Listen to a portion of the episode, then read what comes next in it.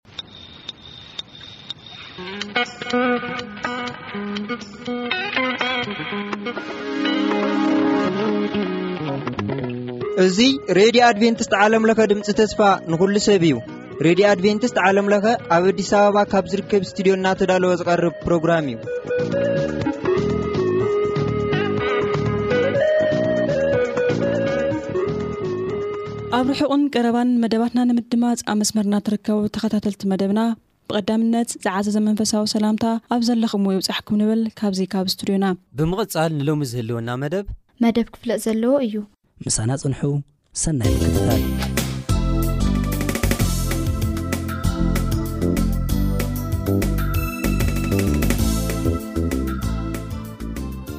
ብጎይታ ብየሱስ ክርስቶስ ዝተፈተኹም ክቡራት ኣሕዋትን ኣሓትን ሰላም ኣምላኽ ንዓኻትኩም ይኹን ሎሚ ሓደ ኣርእስቲ ሒዘልኩም ቀሪበ ዘለኹ ውልድ ኣምላኽ ውልድ ኣምላኽ ምዃንና ክሳዕ ክንምንታይ ኣነ ንስኹምን ክንሕጎስ ከም ዝግባኣና ክንርኢ ኢና እሞ እዚ ውልድነት እዚ ቀሊል ኣይኮነን ዓብዪ ክብረት እዩ ንዓይ ንዓኻትኩም እሞ ብመሰረት መፅሓፍ ቅዱስ ጥቕሲ ብጥቕሲ ጌርና ክንርኢ ኢና ከምቲ የውሃንስ ውልድ ኣምላኽ ክንበሃል እቲ ኣቦ ከመይ ዝበለ ፍቕሪ ኣፍቀረና ዝብል ንዑ ከነስተንትኖ ኢና እሞ እግዚኣብሔር ክሕግዘና ብመንፈሱ ብጸሎት ናብ ኣምላኽና ንቀርብ ኢና ኣቦናን ጎይታናን ዝኾንካ እግዚኣብሔር ኣቦ ተመስገን ስለቲ ዘይውዳእ ሳልኻን ምሕረትካን ኣባና ትገብሮ ዘለኻ ጽቡቕ ነመስግነካ ኣለና ጎይታየ ንሕና ጥፉኣት ዝነበርና ውልድነት ዘይነበረና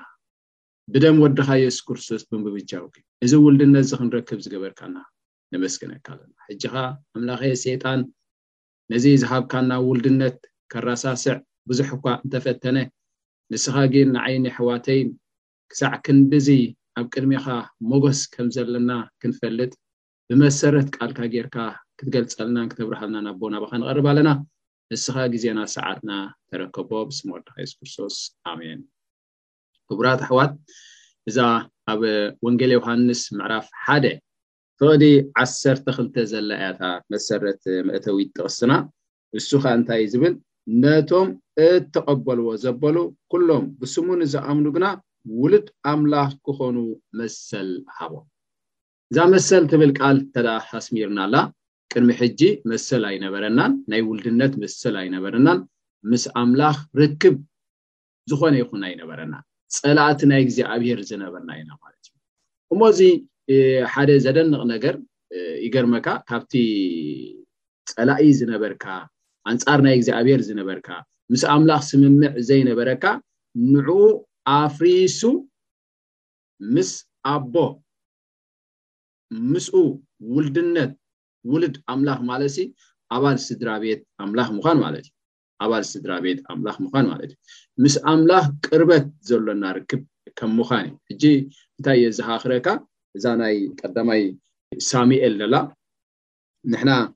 ነቲ ነዳይ ይብለና ኡ ማለት እዩ። ነቲ ነዳይ ካበይ ኣልዒሉ? ካብ ሓመድ ወይ ከዓ ካብ ጎድፍ ኣልዒሉ ዝፋን ክብሪ የውርሶም ትብል ቃል ለላ እዚ የዛኻኽረካ እዚ ኣነ ንስኹምን መሰል ረኺብናዮ ዘለና ማለት እዩ ቀዳማይ ዮሓንስ ቀዳማይ ሳሙኤል ምዕራፍ ክልተ ፍቕዲ ሸሞንተ ዘሎ ማለት እዩ ነቲ ነዳይ ካብ ሓመድ ኣተንስዩ ነቲ ድኻ እውን ካብ ጎድፍ ኣልዒሉ ምስ መኳንቲ የቐምጦም ዝፋን ክብሪ እውን የውርሶም ሕጂ ካብ ጎድፍ ክብለና ከሎሲ ከምዞም ሕጂ ኣብ ጎድፍ ድኻ ሰብ ኮይኑስ ኣብ ጎድፍ ዝኣራሪ ካብኡ ኣልዒልካ ምስ መኳንቲ እሞ ኣብ ዝፋን ከተቐምጦ ከለኻ ሓደ ዘደንቕ ነገር እዩ ልክዕ እዩ እግዚኣብሄር ንዓይ ንዓኻትኩምን ከምኡ ገይርና ዘሎ ማለት እዩ ንሕና ብባህሪና ደቂ ቁጥዓ ዝነበርና ወገን ናይ ሰይጣን ዝነበርና ካብኡ ኣልዒሉ ውሉድ ኣምላኽ ክንከውን እዚ መሰል እዚ ብየሱስ ክርስቶስ ዝረኸብናዮ መሰል እዩ እዚ ውልድነት እዚ ብዙሓት ሰባት ኣብ ዘለናዮ ግዜ ዜግነት ናይ ኣሜሪካ ክትሕዝ ከለኻ ብጣዕሚ ሓበን ኩርዓት እዩ ዝስምዓካ ማለት ኣይኮነን ዜግነት ማለት እዩ ናይ ሰማይ ዜግነት ክትረክብ ከደኣ ክሳዕ ክንዲምንታይ ዘየሐጉሰካ በዛ ናይ ምድሪ እዚኣ እንተ ንሕጎስ ኮይና በዚ ናይዚ ምድሪ እዚ ዜግነት ክትረክብ ናይ ሓንቲ ሃገር መቸም ዓብይ ዕድል እዩ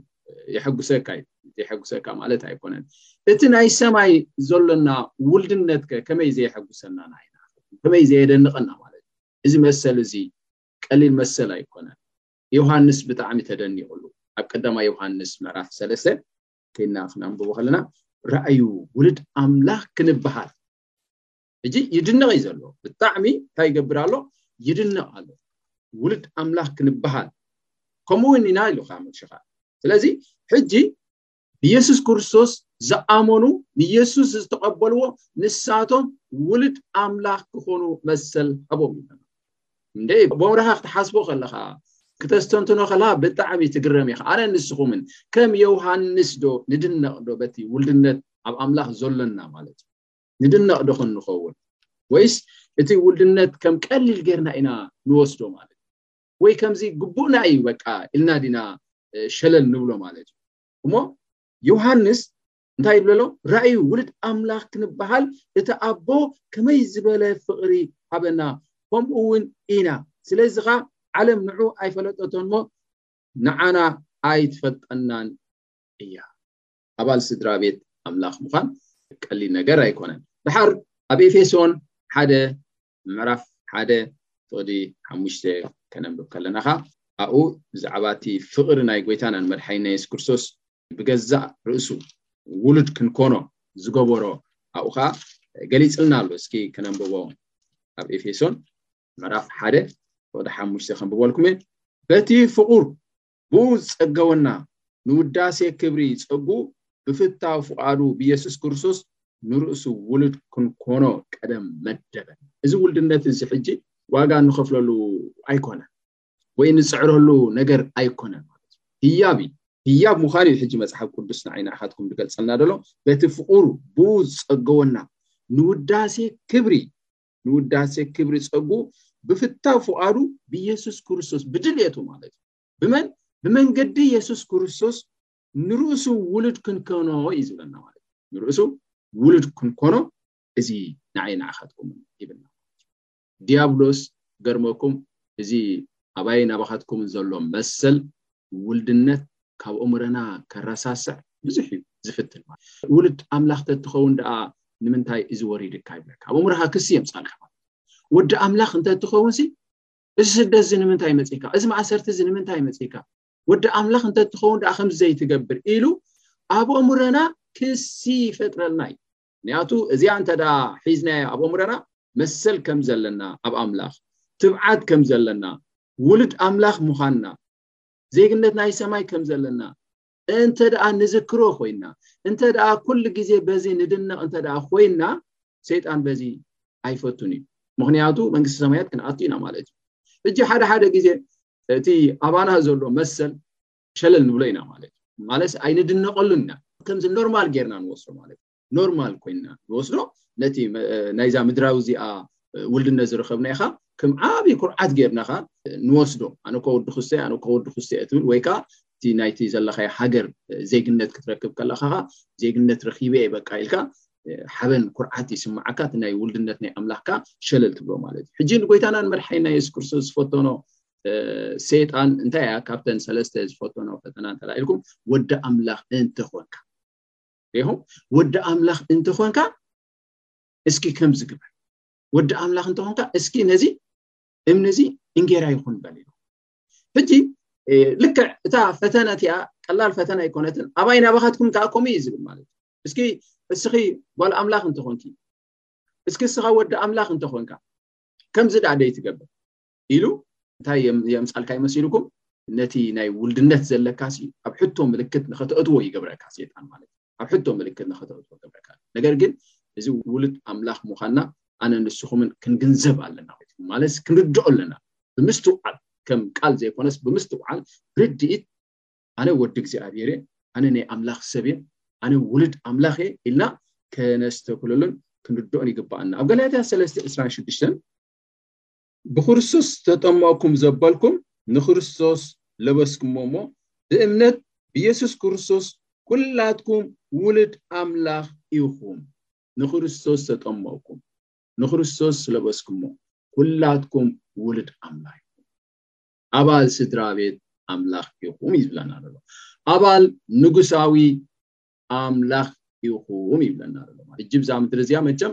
ኣባል ንጉሳዊ ናይ ዘ ምድሪ እዚኣ ክትከውን ዓብዪ ኩርዓት እዩ ኣሽንኳይ ኣባል ንጉሳዊ ናይ ስድራ ቤት ክትከውን ሲ ግደፍዎ እሞ ሓደ ንጉስ ዓዲምካ ከማን ምስኡ ክትበልዕ ከመይ ሓበን ኩርዓት ይስምዓካ ንጉስ ዓዲምኒ ኣሎ ኢልካ ክትከይድ ከመይ ሓበን ኩርዓት ይስምዓኩም ማለት እዩ እዚ ኸዓ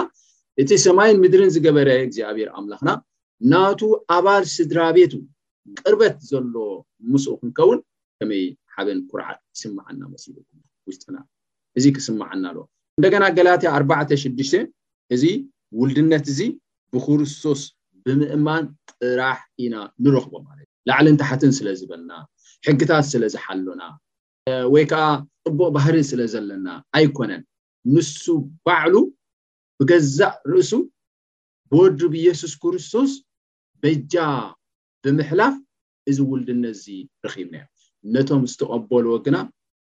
ውሉድ ኣምላኽ ክዀኑ መሰል ሃቦም። እዛ መሰል እዚኣ ዘይግብኣና ዝነበረ፣ እዚ ንባዕሉ ጸጋ እዩ።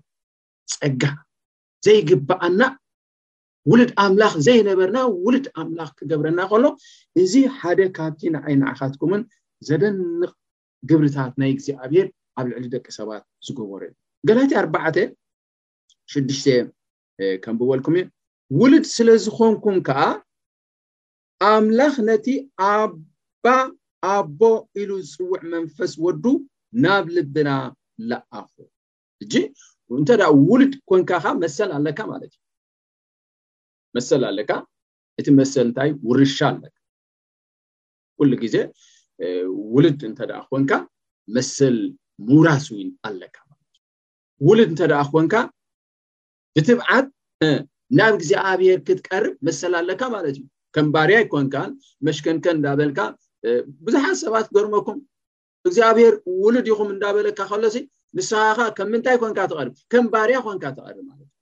መሽከንከን እንዳበልካ ቀብጠርጠር እንዳበልካ ይቐፅዓኒ ዶ ክንኸውን ከምዚኣ ገይረ እሞ ከየጥፋኣኒ ደኣ ኢልካ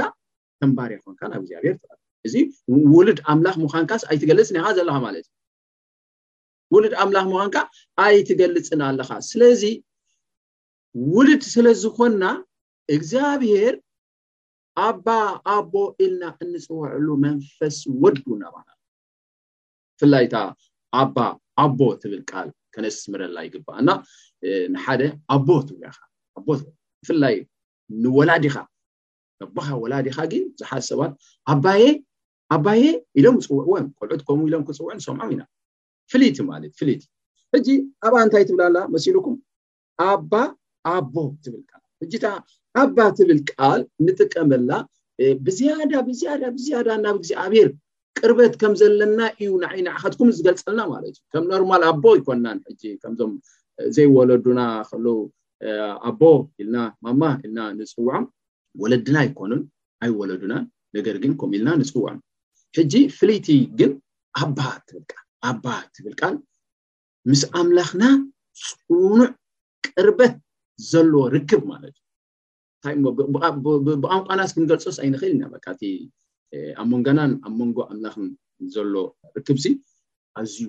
ጥቡቕ ዝኾነ ሕጂ ጎይታናን መድሓይና የሱስ ክርስቶስ ከምዚ ኢልኩም ጸልዩ ክብል ከሎ ኣብ ሰማይ ትነብር ኣቦና ኢልኩም ጸልዩ ኢልና ሕጂ ኣብ ሰማይ ትነብር ኣምላኽ ኣይኮነን ኣብ ሰማይ ትነብር ኣቦና ስምካ ይቀደስ መንግስትኻ ትምጻእ ኢልካ ክትጽሊ ከለኻ ሕጂ ኣነ ኣቦይ ክብሎ ከለኹ ንእግዚኣብሔር ውሉድ ኣምላኽ ምዃነይሲ የዘኻኽረኒ ኣሎ ማለት እዩ ኣቦ ክብሎ ከለኹ ንእግዚኣብሔር ኣነ ኸ እንታይ ኮይነ ኣለኹ ውሉድ ኮይነ ኣለኹ ማለት እዩ እዚ ውልድነት እዚ ኸ ብክርስቶስ ኢና ረኺብናዮ ዘለና እስኪ ብዛንታ ጌርና ኣብ ካልኣይ ሳሙኤል ምዕራፍ ኣርባዕተን ምዕራፍ ትሽዓተን ዘሎ ናይ መፊቦሸት ዛንታ ክንደይ ኢና ካብኡ እዚ ናይ ውልድነት ትርጉሙ ክሳዕ ክንዲ ምንታይ ካበይ እዩ ኣልዒሉ ኣበይ ከ ኣብጺሕና ዘሎና ኢና ኢኻትኩም ምስ ክርስቶስ ኣቐሚጥና ከም ዘሎ ገልጸልና ሕጂ መፊቦሾት ዓሌት ናይ ሳኦል እዩ ዓሌት ናይ ሳኦል እዩ ፀላኢ ናይ ዳዊት ዝነበረ ፀላኢ ናይ ዳዊት ዝነበረ እሞ ግን ከመይ ገይሩ ዳዊት ነዚ ሰብ እዚ ምስኡ መግቢ ክበልዕ ወትሩ ናቱ ኣባል ናይ ንጉሳዊ ስድራቤት ክኸውን ከም ዝገበሮ ካብዚ ከኣ ሓደ ንርድኦ ሓሳብ ኣሎ ንዓና እውን እግዚኣብሔር ከምኡ ከም ዝገበረልና ኣብዚ ክንርዳእ ንኽእል ኢና እስኪ ካልኣይ ሳሙኤል ምዕራፍ ኣርባዕተ መፊቦሾት መን እዩ መፊቦሾት ካልኣይ ሳሙኤል ምዕራፍ ኣርባዕተ ፍቅዲ ሽዱሽተ ከንብበልኩም እየ ዮናታን ወዲ ሳኦል ከኣ እግሩ እተጎድአ ወዲ ነበሮ ንሱ እቲ ወረ ሳኦልን ዮናታን ካብ ይዝራኤል ክመጽእ ከሎ ወዲ ሓሙሽተ ዓመት ነበረ፣ እታ መጉዚቱ ድማ ሒዛቶ ሃደመት። ኮነ ከኣ ቀልጢፋ ክትሃድም ከላ ንሱ ወደቐ እሞ ሓንካስ ኮነ፣ ስሙ ከኣ መፊቦሸት ተባህለ። ስለዚ እዚ ወዲ ዮናታን መፊቦሸት ዝበሃል ወዲ ሓሙሽተ ዓመት መጉዚት ሒዛቶ ከላ እናሃደመት ከላ ካብቲ ኩናት ናይ ዳዊት ክትጓዓዝ ከላ ተዓንቂፋ ምስ ወደቐት እቲ ቆልዓ እንታይ ኮይኑ ሓንካስ ኮነ ይብለና ማለት እዩ ሓፈሻዊ እቲ ዛንታ ከም ንፈልጦ ቤት ሳኦል እንታይ እንዳኾነት ከይዳ እንዳደኸመት ከይዳ ቤት ዳዊት ከዓ እናበርትዐት ከዳ እዩ ከደት እዩ ሓፈሻዊ ኩሎም ዓሌት ናይ ሳኦል ከም ዝፀነቱ ከም ዝፀነቱን ድሓር ዳዊት እንታይ ኢሉ ማለት እዩ ገለ ሓድጊ ሓድጊ ምሕረት ዝገብረሉ ሰብ ዶኾን ይህሉ ኸውን ኢሉ ንጺባ ምስ ሓተቶ ንሱ ኸኣ እንታይ ኢሉ መሊሱሉ ክንርኢ ኢና ኣብ ናይ ካልኣይ ሳሙኤል ምዕራፍ ትሽዓተ ኸወደ ሓደ ዳዊት ድማ ካብ ቤት ሳኦልሲ ምእንቲ ዮናታን ኢለ ምሕረት ዝገብረሉ ገለ ሓድጊ ዶኾን ይህሉ በለ ኣብ መንጎ ዳዊትን ዮናታንን ጥቡቕ ዝኾነ ፍቕሪ እዩ ነይርዎ ጥቡቕ ዝኾነ ፍቕሪ እዩ ነይርዎ ሕጂ እንታይ ይብል ኣሎ ዳዊት ካብ ቤት ሳኦልሲ ምእንቲ ዮናታን ኢለ ምሕረት ዝገብረሉ ገለ ሓድጊ ዶ ክኾን ይህሉ በለ ፍቕዲ ክልተ ጺባ ዝስሙ ሰብኣይ ከኣ ኣገልጋሊ ቤት ሳኦል ነበረ ንዑ ናብ ዳዊት ጸወዖ ንሱ ድማ ንስኻ ዲኻ ጺባ በሎ ንሱ ኻግልያኻ ንሱ እዩ በለ ንሱ ድማ ምሕረት ኣምላኽ ክገብረሉስ ካብ ቤት ሳኦልዶ ገለ የልቦን? በለ። ጺባኻ ንንጉስ፣ ኣእጋሩ እተጐድኤ እባ ሓደ ወዲ ዮናታን ኣሎ፣ በሎ። ንጉስ ድማ፣ ኣበይ ኣሎ ንሱ? በሎ። ጺባኻ ንንጉስ፣ እንሆ፣ ንሱ ኣብ ቤት ማኪር ወዲ ዓማየል ኣብ ሎዶባር ኣሎ፣ በሎ። ሽዑ ንጉስ ዳዊት ልኢኹ ካብ ቤት ማኪር ወዲ ዓማየል ካብ ሎዶባር ኣምጽኦ። መፊቦሾት ወዲ ዮናታን ወዲ ሳኦል ናብ ዳዊት መጺኡ ብገጹ ተደፊኡ ፍግም በለ፣ ዳዊት ድማ መፊቦሾት በሎ፣ ንሱኻ እኔኹ ግሌኻ፣ በለ። ዳዊት ድማ፣ ምእንቲ ኣቦኻ ዮናታን ኢለ፣ ርግጽ ምሕረት ክገብረልካ እየ እሞ፣ ኣይትፍራህ፣ ብሩህ ኣቦኻ ሳኦልውን ክመልሰልካ እየ፣ ንስኻ ኸኣ ንሓዋሩ ኣብ መኣደይ እንጌራ ክትበልዕ ኢኻ፣ በሎ። ንሱ ድማ ፍግም ኢሉ፣ ናብ ከማይ ዝበለ ምዉት ከልቢ ገጽካ ክትመልስሲ ግሌኻ እንታይ እዩ? በለ። ሬኹም መፊቦሾት ጸላኢ ናይ ዳዊት ዝነበረ እሞ ሓንካስ ዝነበረ፣ ካብ ሎዶባር ተጸዊዑ መጺኡ እንታይ ኢልዎ ኩሉ ጎርሁ ናይ ኣቦኻ ክመልሰልካ እየ ይብሎ ኣሎ ማለት እዩ ኩሉ ጎርሁ ናይ ኣቦኻ ክመልሰልካ እየ እንደገና ኸዓ እታ ደስ ዘብል ከዓ ኣብ መኣደይ እንጌራ ክትበልዕ ኢኻ ክሳዕ መዓስ ንሓዋሩ ድሓር መፊቦሾት እንታይ ኢሉ መሲልኩም ንሱ ድማ ፍግም ኢሉ ናብ ከማይ ምዉት ከልቢ ምዉት ከልቢ ገጽካ ክትመልሲ ግሊያኻ እንታይ ይብል ኣነን ንስኹምን መፊቦሾት ኢና መፊቦሾት ሓንካስ ሰብ ዋላ ሓንቲ ክገብር ኣይክእልን ኣነን ንስኹምን ከም መፊቦሾት ምርኮና ዝተወስደ ኣብ ርሑቕ ቦታ እንቕመጥ ዝነበርና ምንቲ ዮናታ እግዚኣብሔር ኣቦ ምንቲ ወዱ የሱስ ክርስቶስ ስለስምቲ ሓደ ወደይ ዝለመንኩሞ ዘበለ እዩ ዝብለና ምንቲ ስም የሱስ ክርስቶስ ምእንቲ ወዱ ኢሉ ንዓይ ንዓኻትኩምን ዝገበሮ ጻውዒት ስለዚ ብእምነት ብየሱስ ክርስቶስ ኢና ንሕና ውሉድ ኣምላኽ ኮይንና እዚ ኸኣ ምእንቲ ዮናታን እዩ ምሕረተይ ገይሩ ግብርታቱ ፅቡቅ ስለዝኾነ ኣይኮነን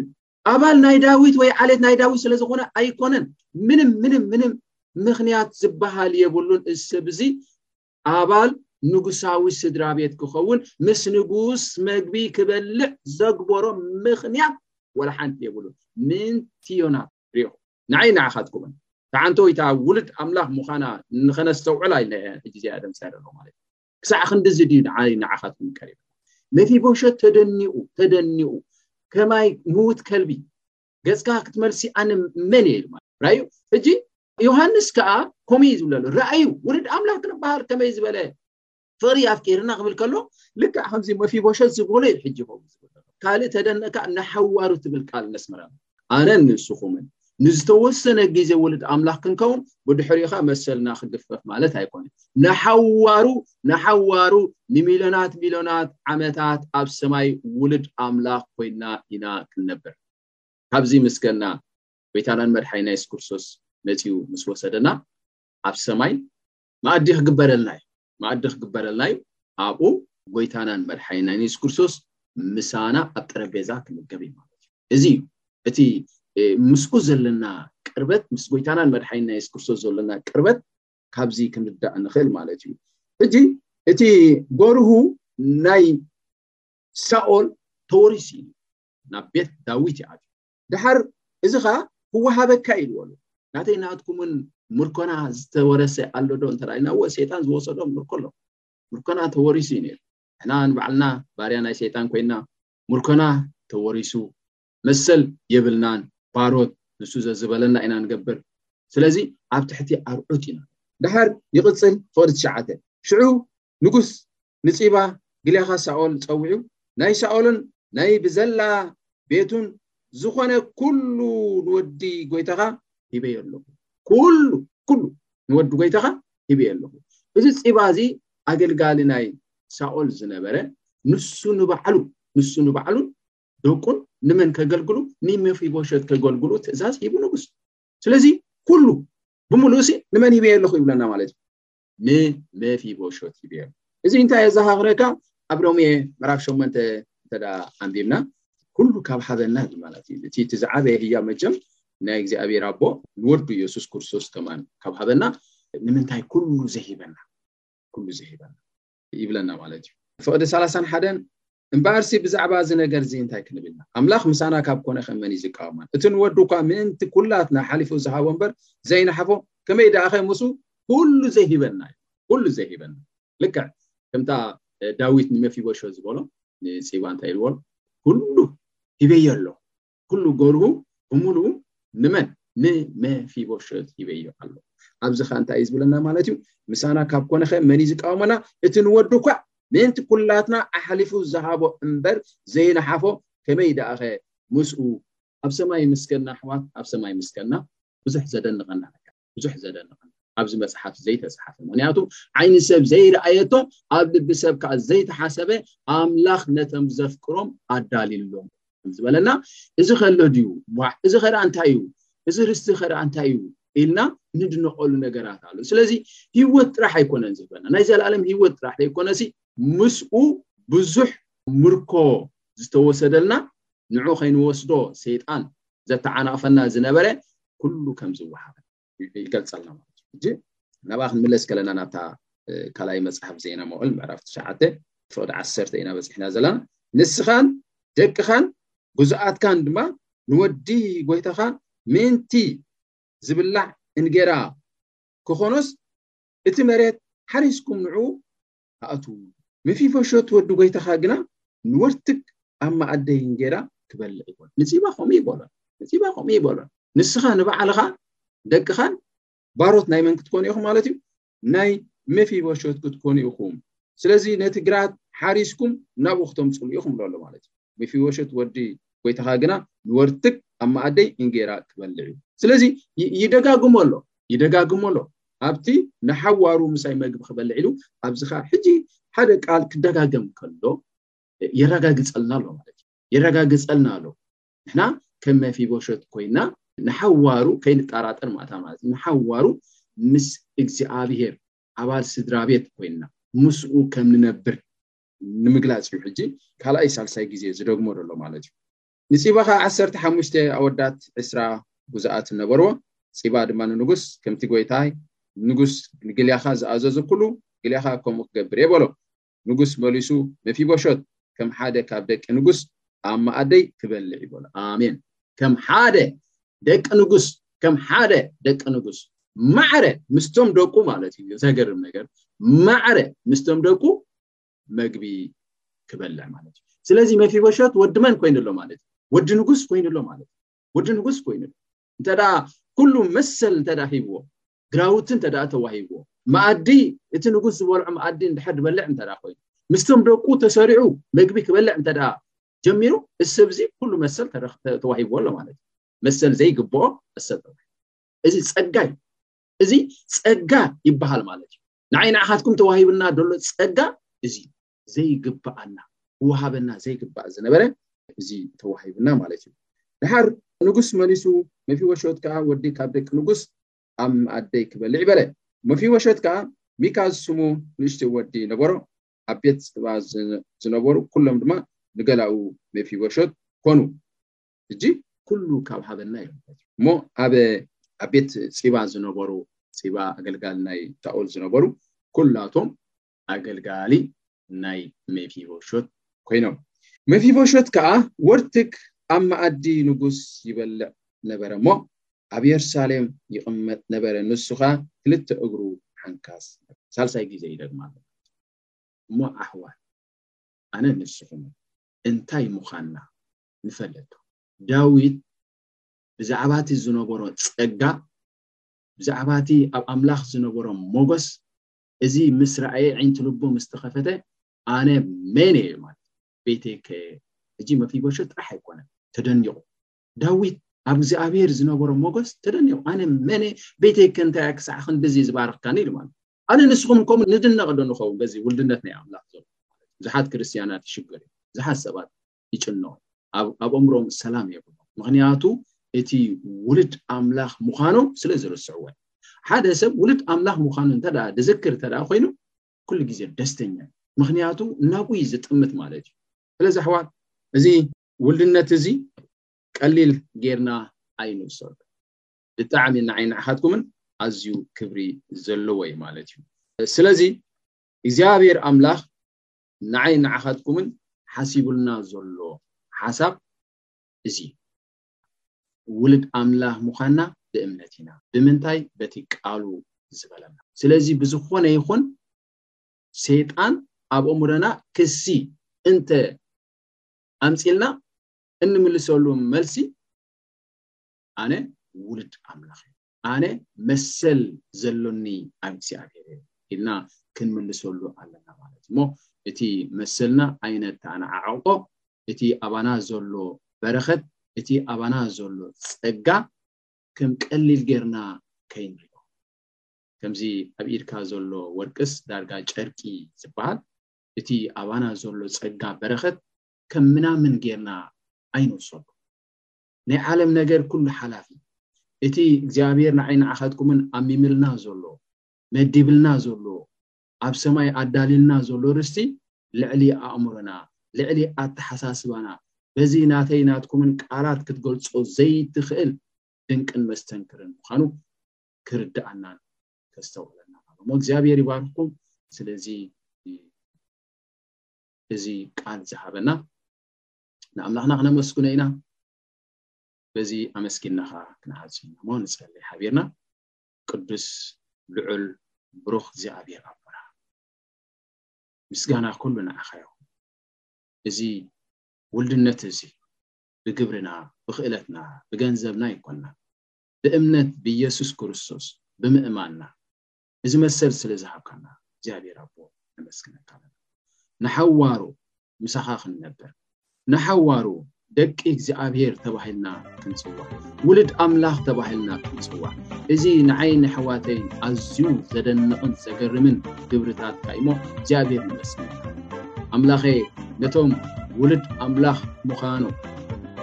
ቃልካ እናገለጸ ሴጣን ግን ኣብ እምሮኦም ሕሹኽ ብምባል ዝኸሶም ዘሎ እግዚኣብሔር ንስኻ ኣዒንቲ ልቦም ትኹን። ነፍሲ ወከፍና ብየሱስ ክርስቶስ ዝኣመና ውሉድ ኣምላኽ ምዃንና ኣብ ኣእምሮና ንስኻ ግለጽ። ኣምላኽ ምስ ሰምዑ ኩሉ ብዝበረኸ ምስ ዘሎ ምስ የሱስ ክርስቶስ